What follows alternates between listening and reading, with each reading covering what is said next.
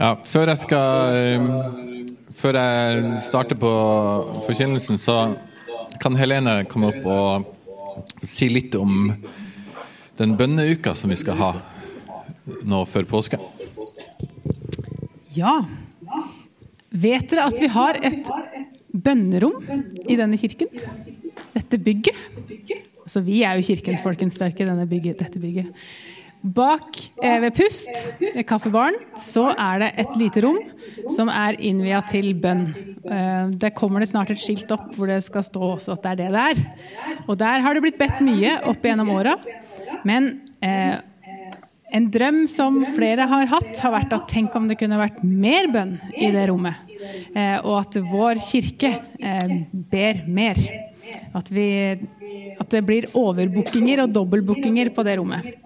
Det er fine problemer å ha. Nå setter vi i gang. Nå, nå, tar vi rett og slett ei uke med bønn i det rommet. Eh, og på dere som får e-post, har fått litt info om det. Det ligger litt info også ute på nettet om hvordan det er. Men eh, 22. til 29., det er en onsdag til en onsdag, da blir det bønn. Eh, ikke 24-7, men 7-11, tenkte vi. Sju på morgenen til 11 på kvelden. Da kan man plotte seg inn i en kalender eh, og si 'den timen, den vil jeg ha', og da, da skal jeg be i det rommet. Eh, det som er viktig å kommunisere, er at det er et ganske lite rom. Så når du booker deg opp på en time, så får du det rommet for deg selv. Da er det ingen andre som du ikke vet hvem er, f.eks., som kan dukke opp i det rommet.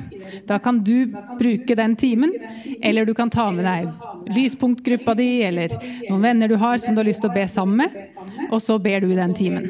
Og kanskje så får vi en sånn kjede av bønn, av bønn gjennom hele denne uka. Og så kommer vi til å ha noen fellessamlinger på morgenen klokka sju og midt på dagen klokka tolv og på kveldstid. Der er ikke et tidspunkt helt satt ennå. Eh, I ukedagene. På felles bønnesamlinger som vi har invitert til alle sammen. Og de kommer til å bli leda. Hørtes det fristende ut? Ja. Og det å liksom dra, sette av, eh, rydde unna litt. For bare nå, denne uka her, så skal jeg kanskje for første gang også utforske hva, hva vil det si å faktisk be. Og På nettsida så ligger det også litt sånne spørsmål og svar. For det kan godt hende at mange av oss syns det høres veldig lenge ut med en hel time. og hvordan skal jeg gjøre det og sånne ting. Men her ønsker vi å legge til rette. Og det er noen hoder som har tenkt i bakgrunnen for at det skal være inviterende å komme og be. Vi tror at alt, eh, alt vi drømmer om, alt vi ønsker å være, alt vi ønsker å se skje, fødes i bønn. Sånn at vi står åpne og tenker hva kommer til å skje? Eh, og, det, og, viktigheten av bønn. Så jeg håper og ber om at det skal vekkes opp nye flammer til bønn. Og vi som allerede ber, at vi skal virkelig bli oppmuntra i den tjenesten. Yes. Amen.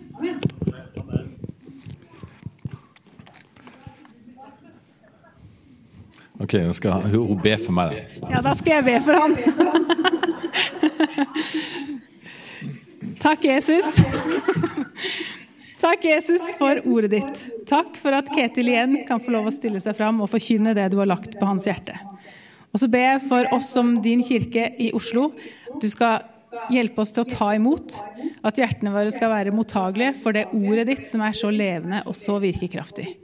La din vilje skje i dag, Jesus. Amen. Vi takker deg, far, for at du har elsket oss med en evig kjærlighet. Så takker vi deg for at du har vist oss den kjærligheten i Jesus Kristus, eh, hvor høyt du har elsket oss. Og så takker jeg også for at du har vist oss eh, den kjærligheten ved at du har tømt den i våre hjerter. Og det gjør at vi kan få lov til å leve i ett med deg.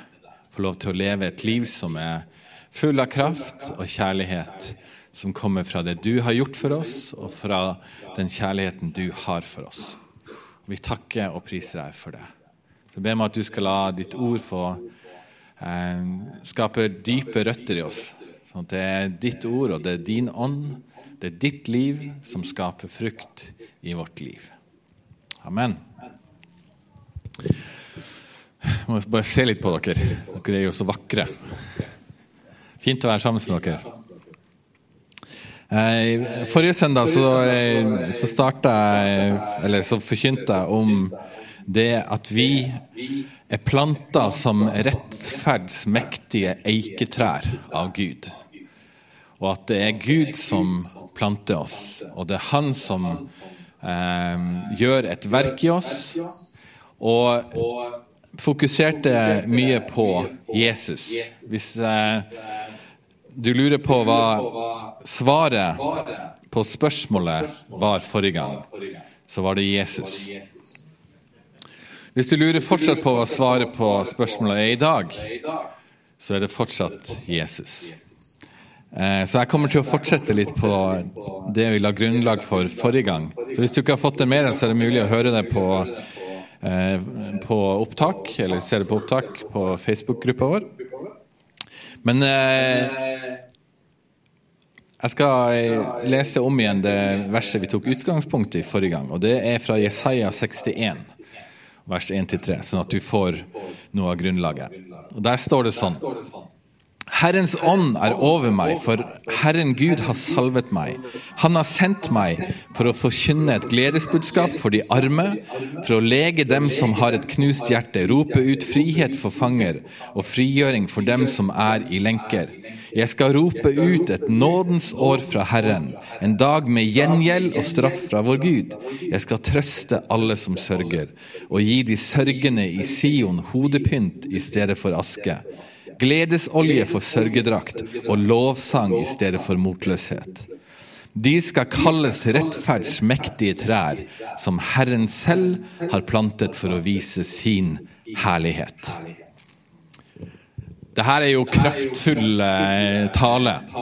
Og Jesus, når han begynte sin tjeneste, så stiller han seg jo frem og så ber han om å få eh, den eh, rullen fra Jesaja. Så, så roper han det her ut. Og han forkynner at nå har dagen kommet. Nå starter det her. Nå skjer det her som det er profetert om. Men det det profeteres om, er jo ikke bare der og da. Det er jo noe som gjelder for deg og meg. Det her som står her, gjelder jo oss. Det er jo løfter for oss. Og det er også en realitet som vi kalles inn i og lever i. Vi er de rettferdsmektige trær som Herren selv har plantet for å vise sin herlighet. Eh, og spørsmålet, som jeg sa, eh, svaret Jesus var på, eh, på Det er jo spørsmålet hvordan blir vi mektige eiketrær? Jeg vet ikke om du eh, Som jeg sa forrige gang, så de færreste av oss går rundt og tenker på at vi er trær. Og det er jo bra på, på mange vis. Eh, du er et menneske. Eh, men bilder hjelper oss jo å tenke litt rundt livet vårt, eh, og ikke bare rundt vår egen navl. Og det å, være, det å se for seg et mektig eiketrær som er planta, og som, og som står over lang tid, og som står selv om stormen blåser, og, det, og gir eiketrær de nøtter, ikke sant? som gir nøtter i, i riktig tid, det forteller oss noe om Guds tanke med oss. Og de løftene som står på forhånd der om at vi skal finne frihet, og vi skal få glede, og vi skal få, uh, få lov til å få styrke gjennom det Jesus har gjort for oss, og det han fortsatt gjør i og gjennom oss. Og Da er spørsmålet hvordan forvandles vi til det her? Hvordan vokser vi opp og blir de her eiketrærne? Og da er jo svaret Jesus. Beklager at jeg ikke har så mye mer avansert. Du kom kanskje hit og tenkte at ja, nå må du fortelle oss litt mer, Ketil. Jeg skal jo prøve det, men i bunn og grunn så, så handler det om at det er Jesus det handler om. Og det handler om at vårt liv må få lov til å bli smelta sammen både i tanke, i, i kropp, sjel og ånd med Kristus. Mange av oss mennesker vi har prøvd å endre våre liv. Og som jeg spurte forrige gang, du, hvem har prøvd å, å, å, Når det nye året kommer inn, og si at yes, nå! Dette året, ny start. Nå skal det skje endringen. Jeg skal bli liksom fit and Uh, ready for uh, hva det måtte være. Nå legger du plan, nå bestemmer du deg. Og så, så har vi alle også oppdaga hvor lett vi faller igjennom etter hvert. Fordi at løftene til oss selv er fundert på en realitet som ikke holder mål. Sant? Når du, når, du liksom, eh, når du møter realiteten i deg selv og i verden utafor deg, så skjønner du at det ønsketenkning er ikke nok. Jeg vet ikke om du har opplevd det. Er det bare jeg som har opplevd det? Forrige gang så var det flere som var ærlige. Oppfordrer dere alle sammen til å være ærlige. Det var noen som vitna om ærlighet her.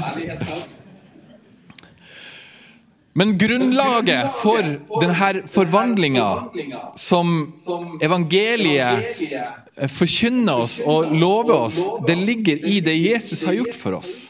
Det ligger i at han har lagt grunnlaget, og han har erklært oss rettferdige. For hvordan kan jeg leve et liv i rettferd ut fra den skrøpeligheten jeg selv har i meg sjøl? Jo, det kan jeg gjøre fordi at Kristus har blitt min rettferdighet. Og Vi leste forrige gang på Romer 5.1. Da vi altså er blitt rettferdige ved tro, har vi fred med Gud ved vår Herre Jesus Kristus. Fred med Gud ved vår Herre Jesus Kristus. Og Derfor hviler hele vårt liv på det faktum av at Jesus Kristus har gjort et verk for oss. Og det er der grunnlaget ligger for at vi kan bli forvandla. Men denne forvandlinga og det livet som vi kalles inn i, skjer jo ikke bare i å vite at det er en realitet. Det handler om et liv som skal leves ut, og det livet må leves i og ved Den hellige ånd. Og I Galaterne 5, 22-25 Alt det her er på en måte en sånn recap fra forrige gang. Så hvis du ikke var her forrige gang, så vær så god. Og hvis du var her forrige gang, så er repetisjonen alltid litt bra. Ikke sant? Galaterne 5, 22-25. Men åndens frukt Altså åndens frukt er kjærlighet, glede, fred, overbærenhet, vennlighet, godhet, trofasthet, ydmykhet og selvbeherskelse. Slike ting rammes ikke av loven. De som hører Kristus til, har korsfestet sitt kjøtt og blod sammen med lidenskapene og lystne. Lever vi ved Ånden, så la oss også vandre i Ånden. Forvandling i livet vårt må være en frukt av det Kristus har gjort for oss, men også en frukt av det Den hellige ånd gjør i oss. Ved at vi lever ved Ham som kraften og identiteten i vårt liv, og ikke i vår egen styrke.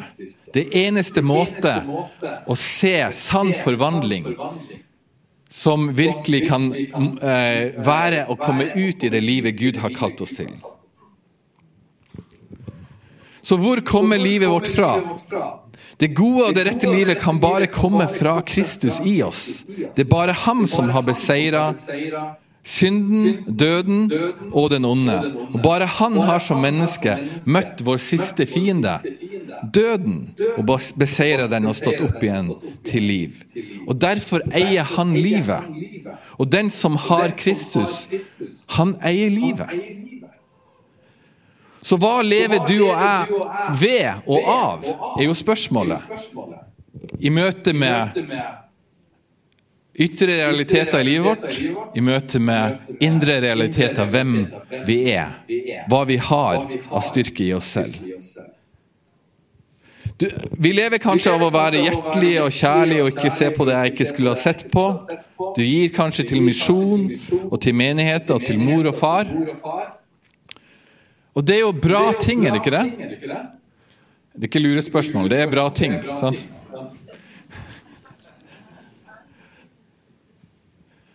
Og så tenker man at ja, men gjør man de tingene, da, da har man forstått det. Men alle de her tingene er jo bra og riktig, men livet kommer ikke fra å gjøre de tingene. De tingene kommer fra livet. sant? Derfor er det så viktig at forvandlingen og livet vårt kommer fra rett sted. At det ikke kommer fra at vi jager rundt for å gjøre masse ting som er vel og bra, og som bør være en del av vårt liv. Men at det kommer ifra røttene som er planta i det Kristus har gjort for oss. Og som han fortsatt er for oss. Og som han har gitt oss realiteten av i Den hellige ånd. I 1. Korinterbrev 29, nei, 2, 9-11, ikke 29, men 2, vers 9-11, så står det sånn om at vi skal få lov til å være kobla på dypet av Guds hjerte. Og det her er jo noe mystisk, nesten, som er fantastisk. Det mystiske er, er, er trigger meg mange ganger. Fordi at det er noe som vi stadig vekk kan oppdage dybden av. Men som det står skrevet, det intet øye så og intet øre hørte. Her snakker det om evangeliet. Det som ikke kom opp i noe menneskehjerte. Altså Ikke noe menneskehjerte kunne finne på noe så genialt og så bra og så dypt og så rikt som evangeliet. Frelsesverket. Det som Gud har gjort ferdig for den som elsker ham, det har Gud åpenbart for oss ved sin ånd. For Ånden utforsker alle ting, også dybdene i Gud. Det som står her, er at det finnes en dybde i Gud som du har fått tilgang på ved noen røtter som går dypt inn i Guds hjerte ved Den hellige ånd. Og du har fått Den hellige ånd. Og da kan du få lov til å leve ut de realitetene som er planta dypt i Guds hjerte. Det er jo helt utrolig å tenke på at dere som jeg ser på, selv om dere er vakre, så er det litt utrolig å tenke på at du er kobla på dybdene i Gud. Eh, unnskyld meg hvis du ble fornærma, men jeg ville sagt det samme om jeg så på meg selv. sant? Men det er realiteten på at Gud i sin storhet, ved evangeliet, ved Kristi verk, som ikke noe menneske kunne altså, Hvor mange bøker og ideologier og politiske manifest og psykologiske manifest er skrevet opp gjennom historien på hvordan livet henger sammen, og mennesket skal forvandles, og verden skal reddes, og vi skal få utopia. Det er kommet opp så mye fra menneskesinnet. Men det kan ikke måle seg med evangeliet. For det er ingenting som har kraft til frelse og forvandling som Jesus Kristus og evangeliet, budskapet om det. Fordi at det er kobla på, på dybdene i Gud ved Den hellige ånd. Og verden har ikke Den hellige ånd. For Den hellige ånd bor i den som elsker Gud, og den som har fått sine synder tilgitt og er født på ny og gjort klar, sånn at ånden kan flytte inn. Og det burde gjøre oss takknemlige. Eh, burde. Nå skal ikke jeg gi dere masse burde, det er jo hele det som er poenget. Motsatte her. At Det er ikke burde, det er invitasjon til vær så god. Det er en gave som er så rik som vi kan få lov til å gå inn i. Og du som sitter her i dag og har fått oppleve Jesus Kristus og frelsen i evangeliet. Du er utvalgt som den skal få hans liv, hele hans fylde. Det er en gave som du kan la strømme ut gjennom ditt liv. Og det er ikke din lønn som en tjener, din fortjeneste, men det er heller utgangspunktet som et barn født av Gud ved Hans ånd. Det som flyter ut av gode ting og frukt fra ditt liv, en gave. Det er utgangspunktet ved at du er født som et barn av Gud. Forskjellen på barn som ikke har foreldre, og barn som har foreldre eller har et hjem, eh, har jeg tenkt på noen ganger når jeg ser mine barn spise rundt bordet mitt eh, hjemme hos oss. Når vi spiser sammen, så eh, er det jo et herlig Jeg har fire barn. En kone, fire barn. Full pakke, liksom. Ehm, jeg er utrolig glad for det. Noen ganger går det jo litt hett for seg i en familie med masse, masse barn. Men jeg som far jeg gleder meg jo over at når vi har liksom gått gjennom familiekulturen og liksom Ja, nå kan vi spise. Når, vi, når bordet åpner, så sitter jo ikke mine barn der og bare hiver innpå liksom, og, og liksom karrer til seg og tenker åh, nå må jeg benytte halvtimen til å virkelig stekke opp. Fordi at jeg er litt usikker på om det er noe mer mat til kvelds. For de vet at de har i hvert fall en, en far som elsker dem, og en mor som elsker dem. Vi prøver i hvert fall så godt vi kan, da. Og vi har prøvd å trygge dem, og vite, sånn at de vet at hjemme hos oss så er det nok. Dere trenger ikke stresse om å få nok mat. Dere trenger ikke stresse om å få et rom å sove i. Det har vi lagt ut for dere. Mens Fortellingen når, om barn som ikke har levd i den realiteten, er veldig ofte at når man fordeler noe, så karrer man til seg i egen kraft. For man tenker 'jeg vet aldri når jeg får neste måltid'.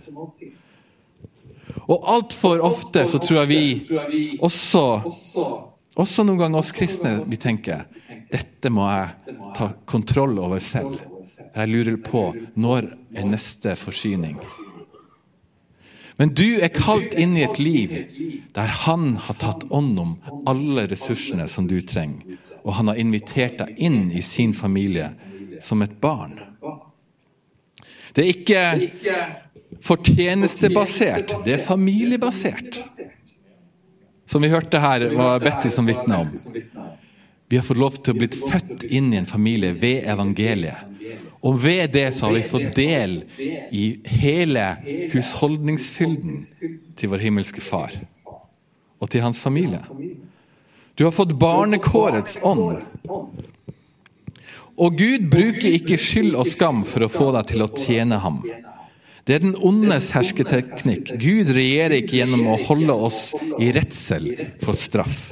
Hør på det her, hva som skjer hva som, i romerbrevet. Forteller, forteller hva som skjer når vi blir født inn i familie med vår himmelske Far. Derfor, søsken, Romerne 8, 12-17.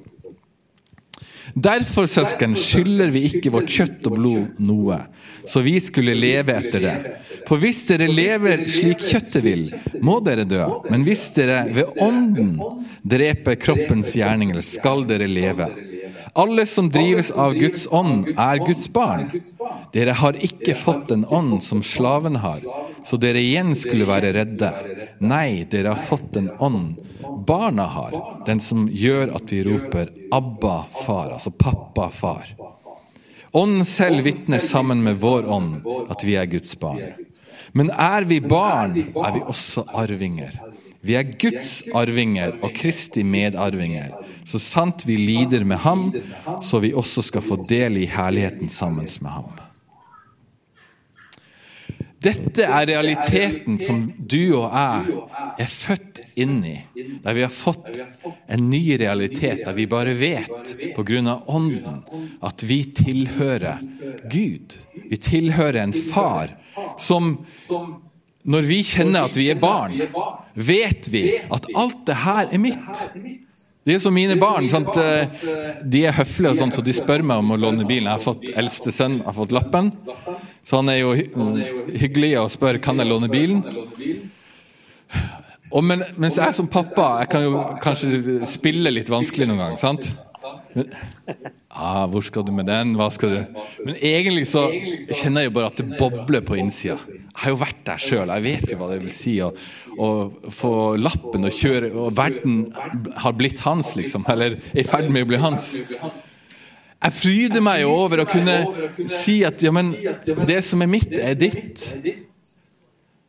Det, som, det, hjelp, det utvider ditt liv gjennom at jeg er pappa.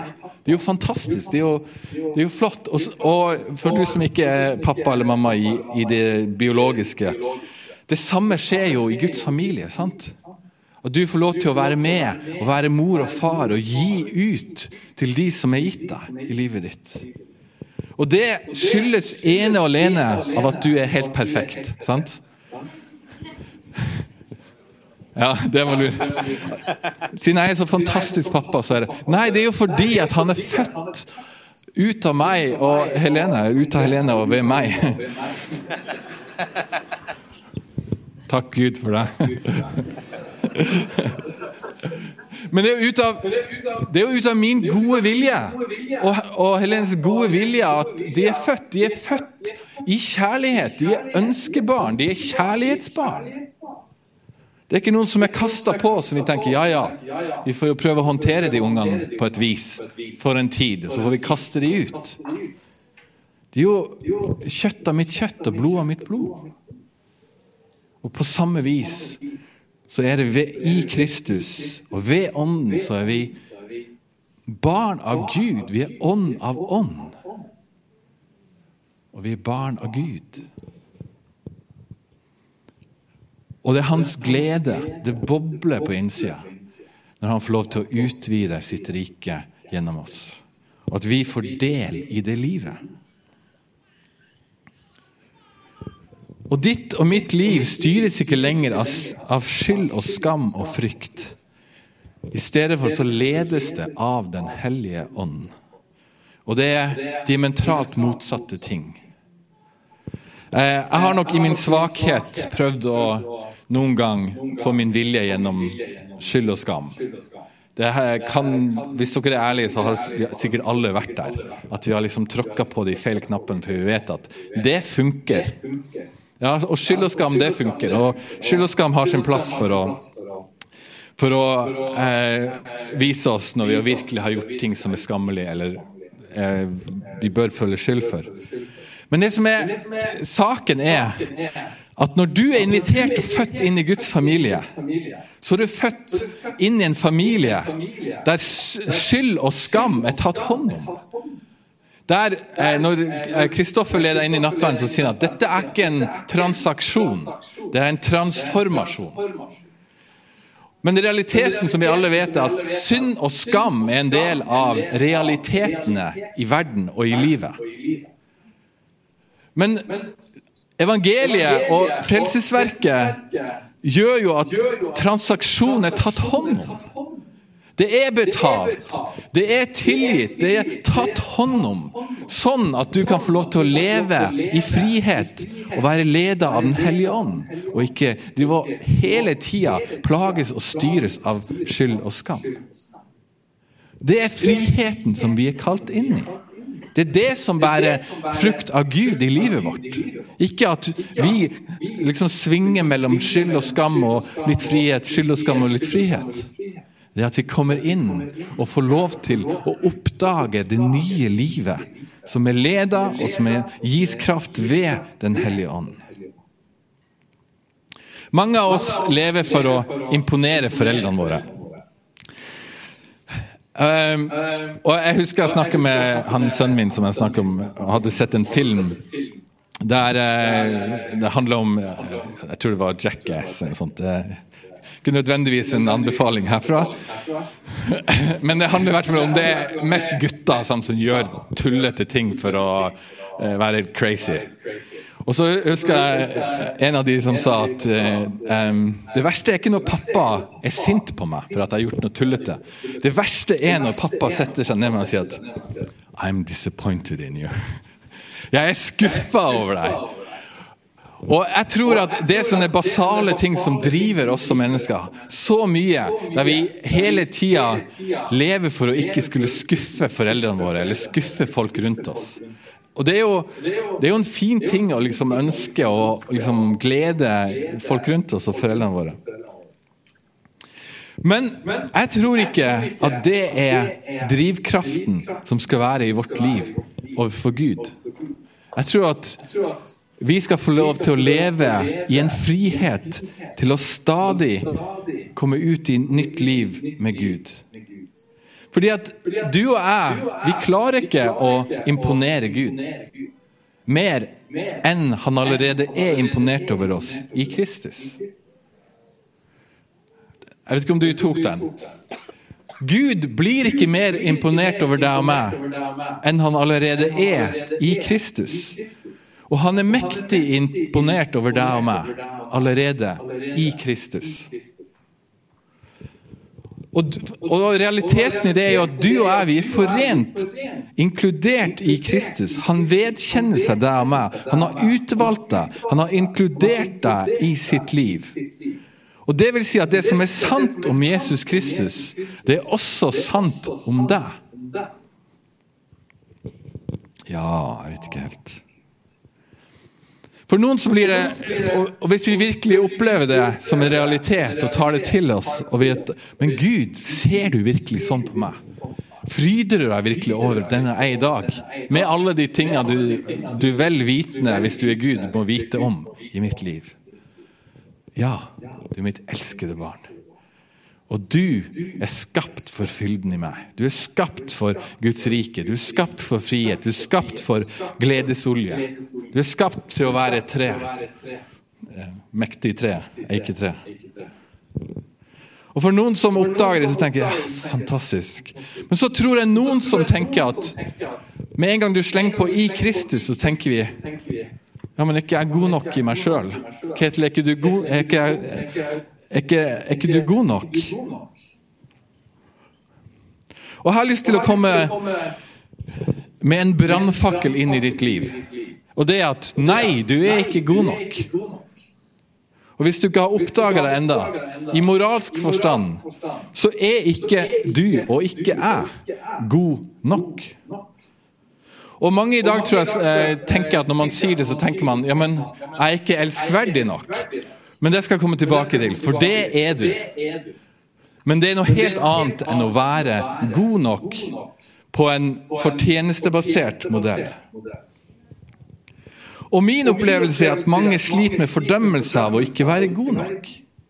Istedenfor å erkjenne det, at vi ikke er gode nok, og se hvilken frihet som ligger i det når vi vet at vi er i Kristus.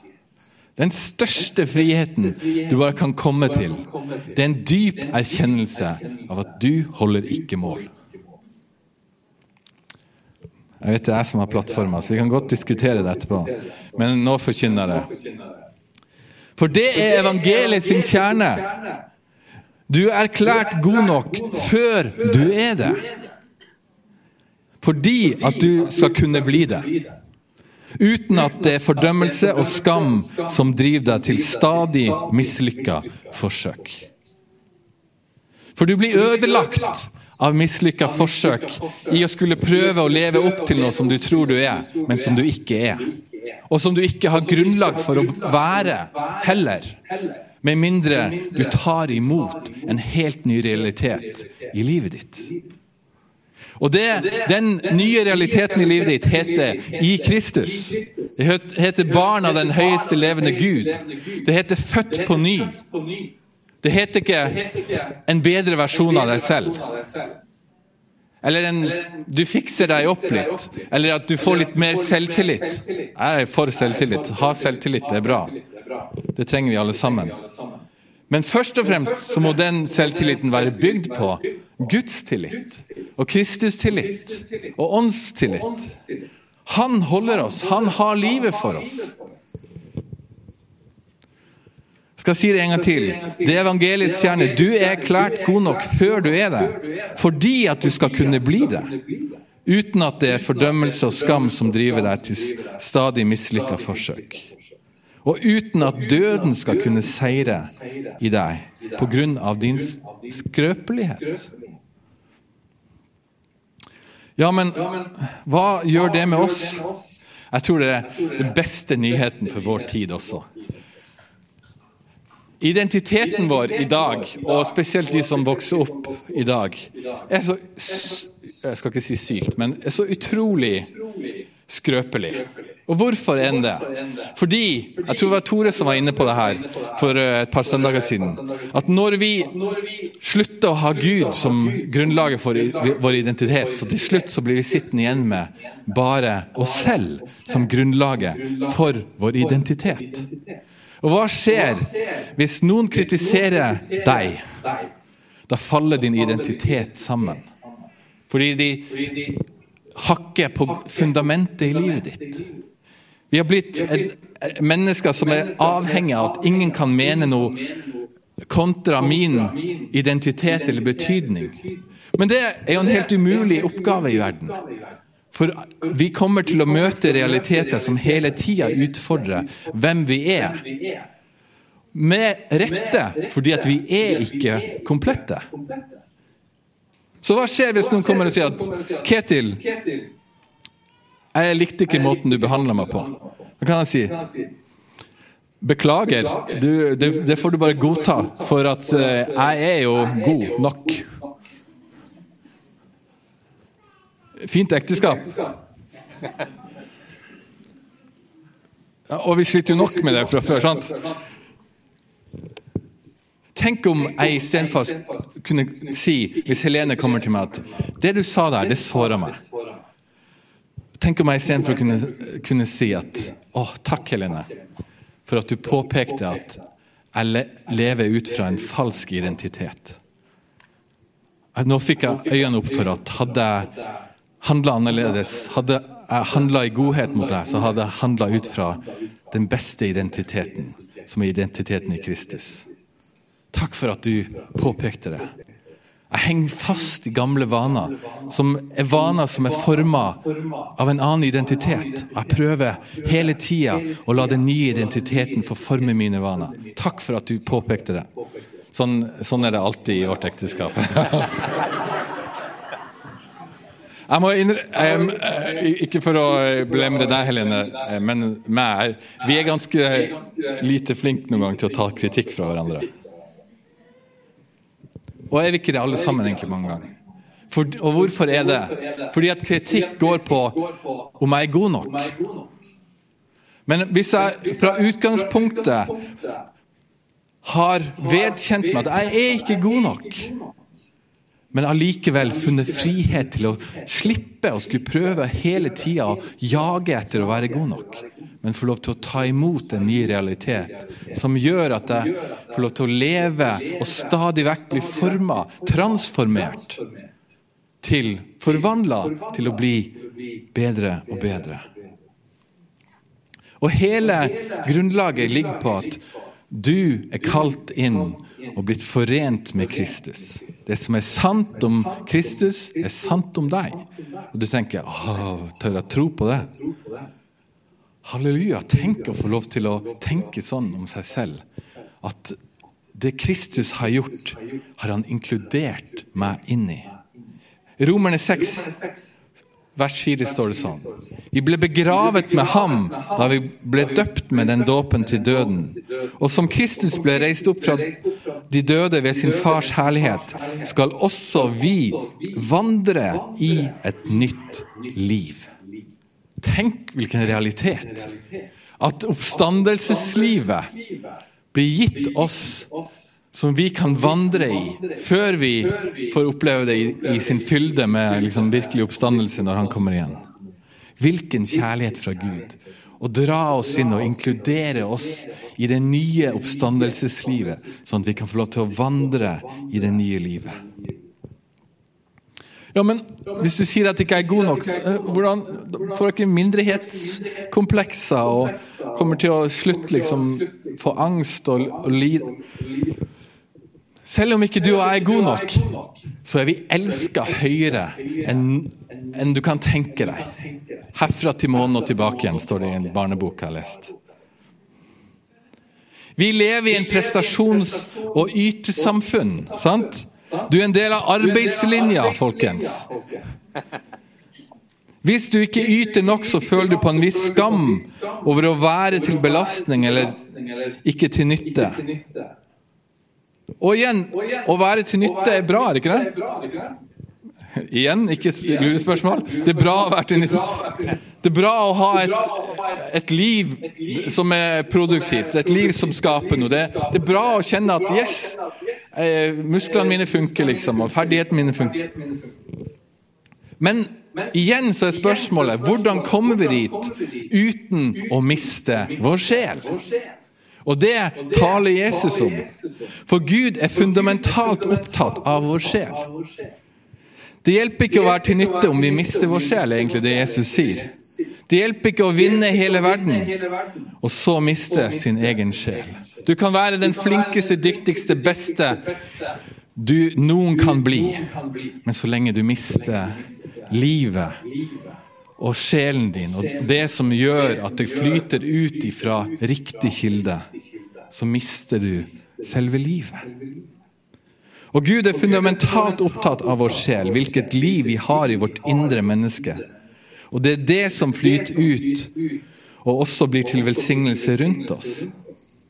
Så derfor spør jeg deg, hva er sant om deg i ditt indre menneske? Jeg spør meg sjøl. Ser du på deg selv hva som er sant om deg, som et verktøy? Yes, jeg er nyttig. Yes, jeg er, jeg er flink til det og flink til det i meg selv. Eller ser du på deg selv først og fremst som hva som er sant om deg, som en som er elska? En som har verdi over alt annet du kan sette verdi på.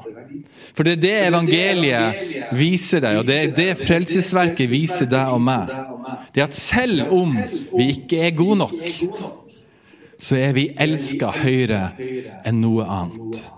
Og det gir deg et fundament og en identitet som er robust, som ingenting kan rokke ved. Selv når livet faller ned og du ikke klarer å være en del av arbeidslinja til sosialdemokratiet. Fordi at fundamentet ditt og identiteten din ikke ligger der som et verktøy, men som et barn, som en som er høyt elska, og som er inkludert i Guds familie. Og Derfor er evangeliet ekstremt gode nyheter til en generasjon som har klistra prestasjon i panna og på Instagram og på alt, liksom. Du skal fremstå og være så utrolig bra og perfekt og god nok. Mens evangeliet egentlig sier at du er ikke god nok, slapp av. Men du er elska høyere enn alt. Og frelsesverket viser det i blod, svette og tårer. Ta imot det nye livet og få leve i friheten. For de gode nyhetene er at Gud trenger deg ikke. Flere gode nyheter. Gud trenger deg ikke. Du er ikke en som Gud trenger. Du er en som Gud elsker og vil ha fordi at han er god. Du er ikke noen som er påtvunget av ham fordi at han har sånt et behov for deg. Mangler Gud noe? Heller ikke lurespørsmål. Det er lov å si nei. Du er et ønska barn. Du er ikke en innleid tjener for at han skal kunne få gjort det han vil. Han trenger deg ikke. Han har ikke behov for det. Du er ikke nødvendig. Du er ikke nødvendig i en instrumentalistisk forstand. Du er ikke nødvendig bare som et verktøy for en byggmester. Men vet du hva? Du er faktisk del av selve byggverket. Du er et kunstverk i Guds hender. Du er ikke verktøyet han bruker til å skape det kunstverket bare. Du er kunstverket selv. Og tenk at Gud elsker deg så høyt at han er i ferd med å skape det mest vakre kunstverket i universet gjennom ditt og mitt skrøpelige, falleferdige, manglende liv. Det er evangeliet, og det er invitasjon til å leve et liv i Den hellige ånd. For når vi lever i Den hellige ånds kraft, så er det det som skjer med oss. Vi forvandles, ofte på tross av jeg holdt på å si utgangspunktet. Beklager å si det. Men målet er kunstverket. Når det står i Bibelen at du er en ny skapning, så brukes faktisk ordet for poesi. Jeg vet ikke om du var klar over det. Det står at du er Guds poesi. Du er Guds poema eller noe sånt. Du er Guds skapning. Skapelse. Kunstskapning. Som en ny skapning. Og Gud vet at det er det han gjør i deg og meg. Noen ganger når det er litt sånn trangt om økonomien hjemme hos oss, så er det lett å tenke veldig instrumentalistisk om livet vårt. Har vi råd til akkurat det, eller råd til det? Og da går det veldig på, på hva er nyttig, selvfølgelig. Som er bra. Igjen, det er bra.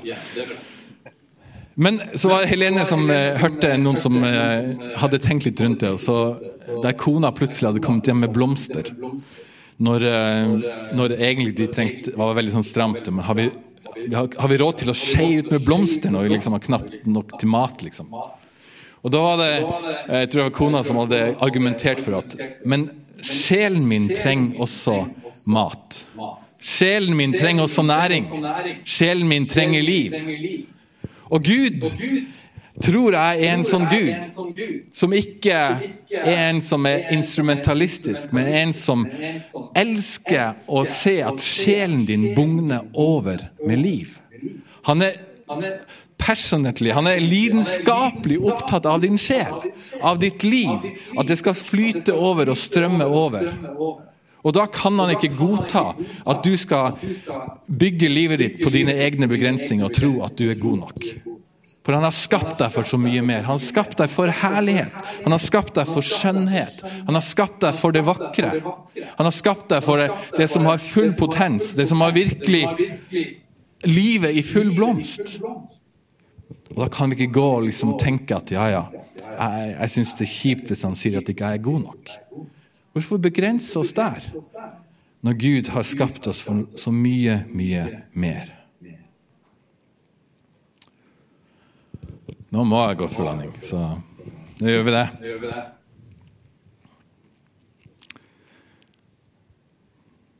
Men jeg må ha med et punkt til. Ellers så blir det en krasjlanding. Skikkelig, og det gjør vondt. sant? Så Ketil, hva, hva, er, hva, er, det vi legger opp som veien? Jo, jeg tror at det Gud kaller oss inn til, er stadig vekk å kapitulere. For det er det eneste rette i møte med kongenes konge. Eh, for vi kan tviholde fast på vår egen godhet. Vi kan tviholde fast på våre ferdigheter. Vi kan tviholde fast på våre våpen og redskaper og tenke Gud, se på det jeg har her, da.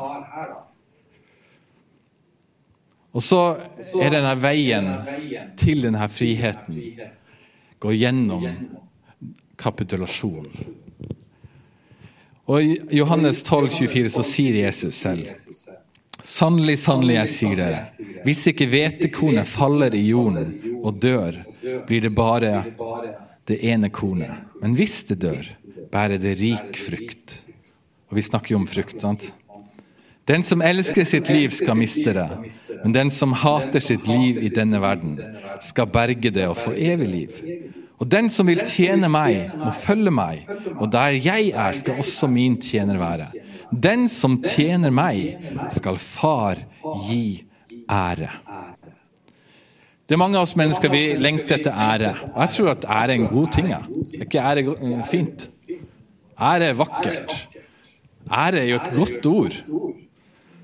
Mens veien dit går gjennom kapitulasjon og legge ned sitt liv, sånn at han kan få lov til og forvandle deg til et ærefullt vesen. Til en ærefull mann og kvinne. Og jeg ser for meg, jeg har sett ofte for meg Hva er kapitulasjon? Jo, det er når du står i krig, og du kjemper for landet ditt. Du kjemper for det som er bra. Du kjemper for ditt liv, for din verdighet, for din ære. Og så kommer det en konge som beseirer fienden for deg. Og så møter du han kongen. Og så har jeg tenkt veldig ofte Hva kan jeg møte deg med, Jesus? Du som har beseira min største fiende, døden. Du som har beseira synden som jeg er slitsom med. Du som har tatt skammen som holder meg nede og, og skaper så mye vondt. Hva kan jeg gjøre? Jo, det eneste jeg kan gjøre, er å legge ned mine våpen. Fordi jeg tydeligvis ikke hjulpet stort. Og så få lov til å knele innenfor Gud, innenfor Kristus, og si her er alt jeg har prøvd med. Alt jeg har, alt jeg, alt jeg er. Og knele ned for Han. Så vet jeg at det er veien. Og så tar Han og omfavner meg og inkluderer meg i hans seier. Og sier at det er greit. Du har prøvd så godt du kan. Det holdt ikke. Men mitt liv er ditt. Min seier er din. Det nye landet som jeg har vunnet for, er ditt. Du trenger ikke å prøve å liksom bringe ære til deg og si men jeg hjalp jo litt til. Jeg prøvde jo med så godt jeg kunne. Det holder ikke mål. Men han holder mål. Og Derfor er de gode nyhetene at du er i Kristus, og han har beseira den onde. Han har levd et liv i syndløshet og uten skam. Og han har inkludert deg inn og sagt at det er det livet som du nå får lov til å leve ut i kraften av Den hellige ånd. Det er det som forvandler oss. Det er det som er veien. og det er Gjennom kapitulasjon stadig å få lov til å se at han bare øser på av mer av hans seierverk. Mer av hans eh, frelsesverk.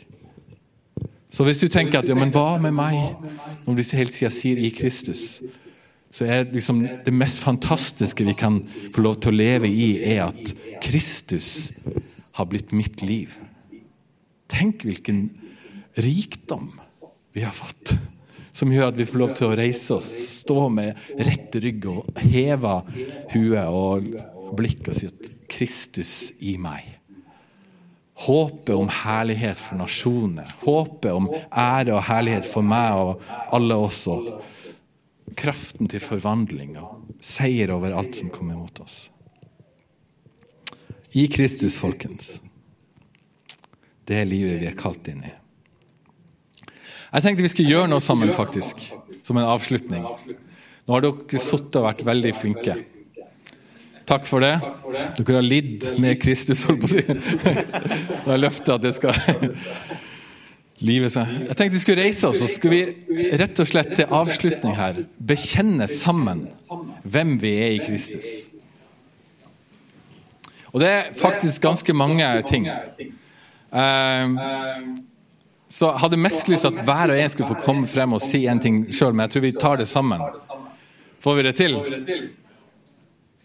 Og kanskje noen ting treffer deg. Vær åpen for at noen ting her som virkelig er en tale til deg. For i Kristus så er jeg Guds elskede barn. Guds arvinger og Kristi medarvinger. Kristi kjære venn. Erklært fullstendig rettferdig. Fri fra fordømmelse Forent med Kristus, én ånd med Kristus. En kroppsdel på Kristi kropp. Fylt av hele Guds fylde. En hellig. Velsignet med all åndelig velsignelse. Hellig og feilfri kjøpt med en uendelig kjøpesum og tilgitt. Oversømt med visdom og innsikt. Mottaker av en evig og uendelig rik arv. Eiere av Kristi sinn. Uskyldig fra Guds kjærlighet. En som aldri vil bli forlatt. Kristi vakre brud som henriver Guds hjerte. En som Herren fryder seg over med sang og klapping i hendene. En som Herren lager fest for. En mottaker av Guds egen fred. Fylt med Guds fred og glede. En som Kristi glede er fullkommen i gitt direkte tilgang til vår Far ved Den hellige ånd. Satt med Kristus i det himmelske.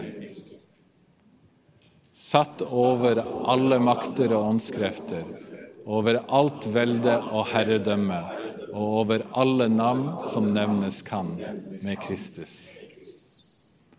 Gjemt i Kristus i det himmelske korsfestet, begravd og reist opp igjen med Kristus. Gjort fullkommen for alltid. Fylt av hele guddomsfylden. bolig for en fryktløs ånd. En av Guds verdifulle kunstverk. Innerhaver av en ånd som gir kraft, kjærlighet og visdom. En borger av himmelen.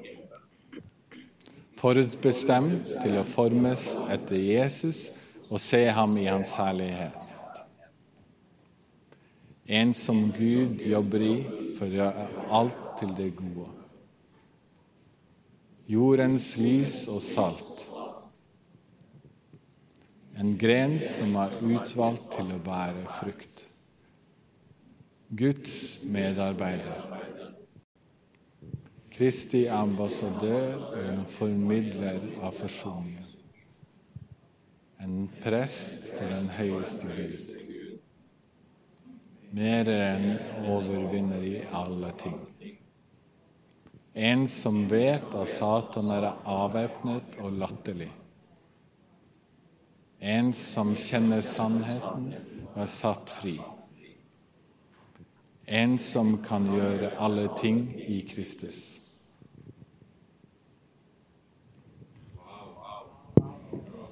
Jeg vet ikke om det er mange som står og kjenner på Jeg skulle gjerne bytte bort det her med alt jeg er i meg sjøl. Men kanskje det var noe som liksom talte spesielt til deg.